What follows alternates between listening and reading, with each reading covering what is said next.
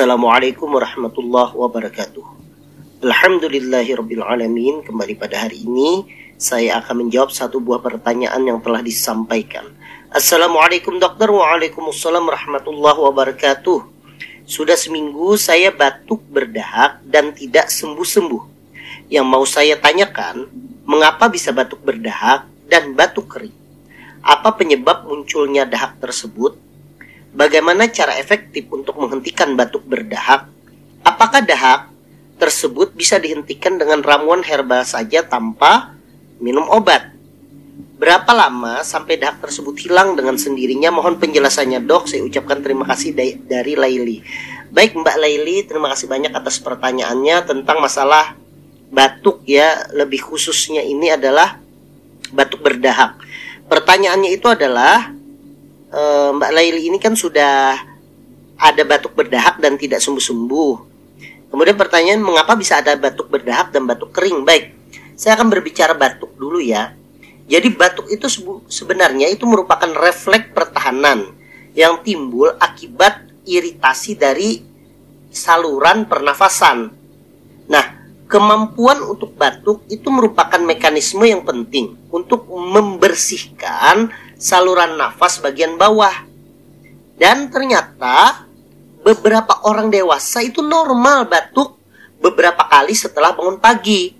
Hal ini ternyata untuk membersihkan trachea dan faring dari lendir yang terkumpul pada saat dia tidur. Nah, namun dalam perjalanannya sering kali batuk itu tidak normal. Apalagi misalnya batuk itu berlangsung dalam waktu yang lama dan disertai oleh misalnya tadi dahak. Sehingga secara umum batuk itu terbagi menjadi dua ya. Jadi batuk itu ada yang dikenal dengan batuk berdahak atau disebut dengan batuk produktif. Jadi kenapa dia dia bisa terjadi batuk berdahak? Ini karena dahak itu terjadi akibat dari perlindungan uh, terhadap kuman atau debu atau zat-zat yang sifatnya itu mengiritasi sehingga saluran nafas itu mengeluarkan suatu lendir. Nah, terkadang lendir itu bercampur dengan sel-sel uh, yang berfungsi untuk membunuh kuman atau bakteri sehingga terjadilah pada saat itu pertarungan antara sel kita yang untuk melindungi tubuh dengan bakteri sehingga nantinya sisa-sisanya itu akan menjadi sangat kental dan berdahak sehingga akhirnya seseorang itu menjadi batuk berdahak. Nah, kalau yang tidak produktif dia disebut dengan batuk kering.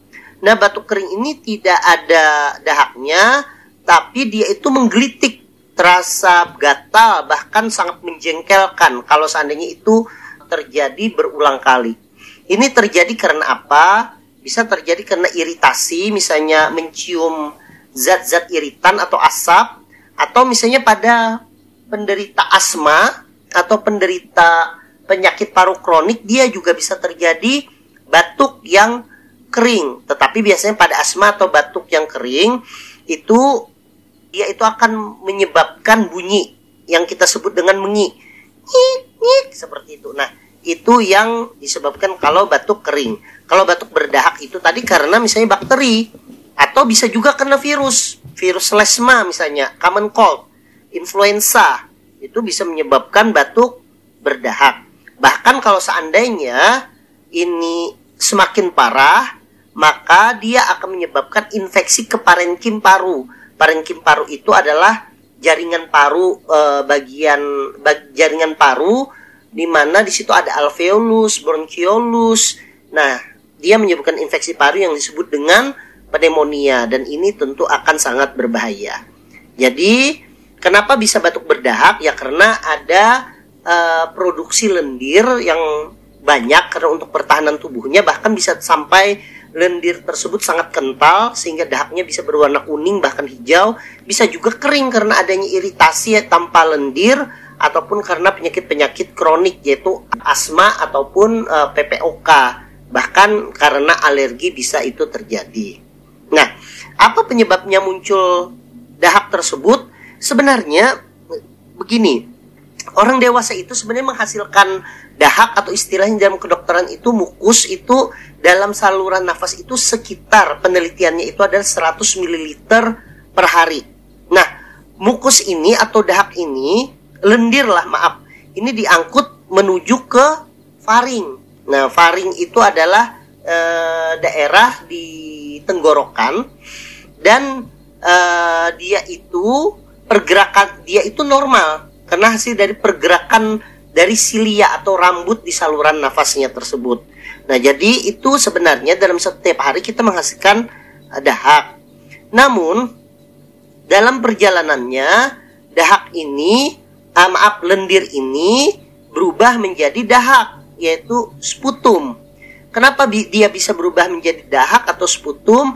Karena adanya uh, karena adanya suatu zat asing di saluran itu sehingga lendir tersebut menghasilkan lebih banyak lendir bahkan dia cenderung lebih kental lagi.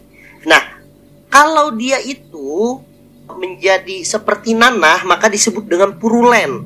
Nah, kenapa dia purulen? Karena mungkin saja di itu sifatnya kronik. Dia itu terus menerus hingga tercak menjadi nanah di dalam di dalam paru yang kita sebut dengan abses paru.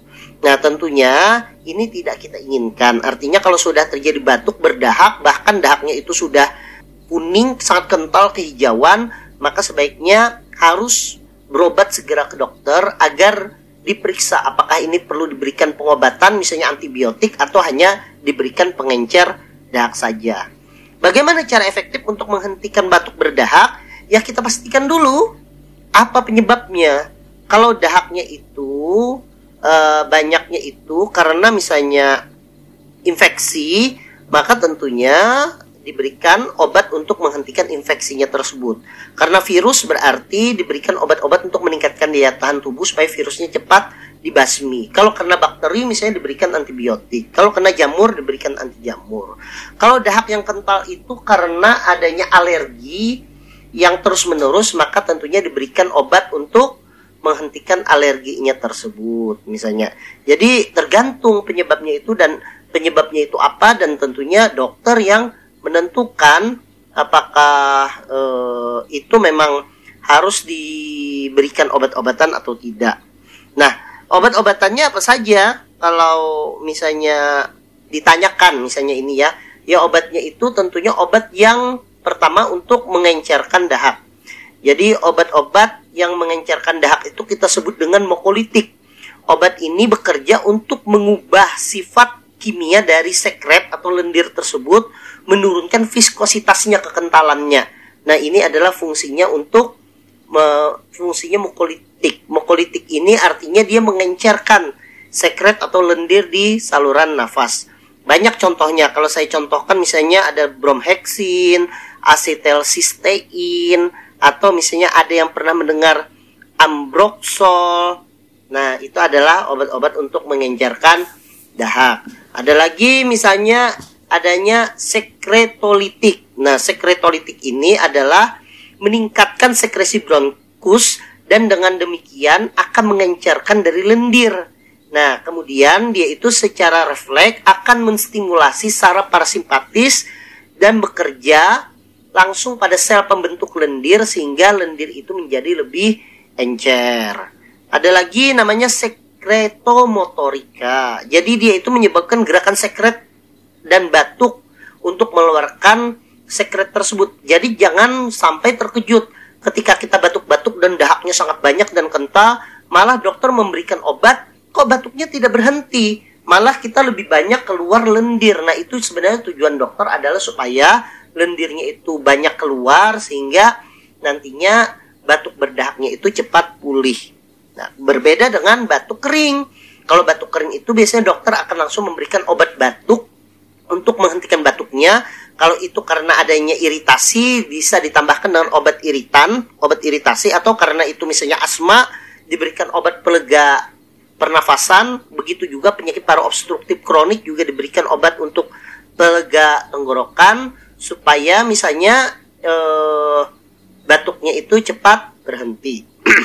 Apakah dahak tersebut bisa dihentikan dengan ramuan herbal saja tanpa minum obat? Perlu saya sampaikan bahwa saya ini bukan dokter ahli herbal, sehingga tentunya saya tidak punya kompetensi untuk menjawab ini secara mendetil.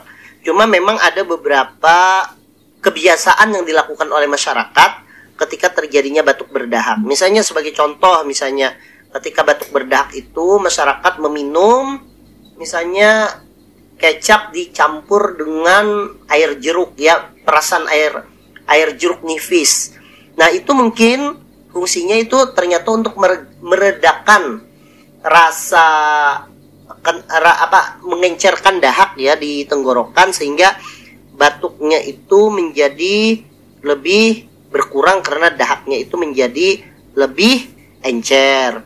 Ada lagi misalnya dalam beberapa kajian itu ternyata tanaman tertentu seperti ternyata mawar merah itu ternyata dia itu punya efek ya punya efek itu untuk mengencerkan dahak yaitu dengan cara menurunkan viskositas atau kekentalan dari dahaknya tersebut. Ada lagi misalnya dengan cara misalnya meminum jintan hitam dicampur dengan madu misalnya. Ada juga seperti itu, tetapi saya sampaikan itu pengalaman di masyarakat dan saya tidak secara mendetil mengatakan bahwa itu uh, bermanfaat karena itu hanya yang berkembang di masyarakat. Berapa lama sampai dahak tersebut hilang dengan sendirinya ya tergantung. Kalau dia uh, batuk berdahak karena common cold, karena flu, paling 2-3 hari dia sembuh seiring dengan daya tahan tubuh yang meningkat. Kalau ISPA, infeksi saluran pernafasan atas, mungkin eh, 5 hari sampai 7 hari dia akan sembuh. Kalau batuk berdahaknya itu karena pneumonia, mungkin dia memerlukan waktu lebih lama bisa sampai dua minggu. Batuk berdahak karena TB itu e, bisa sampai enam bulan sampai pengobatannya tersebut tuntas. Jadi tergantung apa itu penyebabnya. Saya doakan semoga Mbak Laili bisa cepat sembuh batuk berdahaknya. Saran saya segera ke dokter agar bisa ditentukan obatnya apa dan tepat tidak sembarangan pengobatan tersebut yang ujung-ujungnya akan merugikan diri kita. Semoga kita semua diberikan kesehatan oleh Allah Subhanahu wa taala.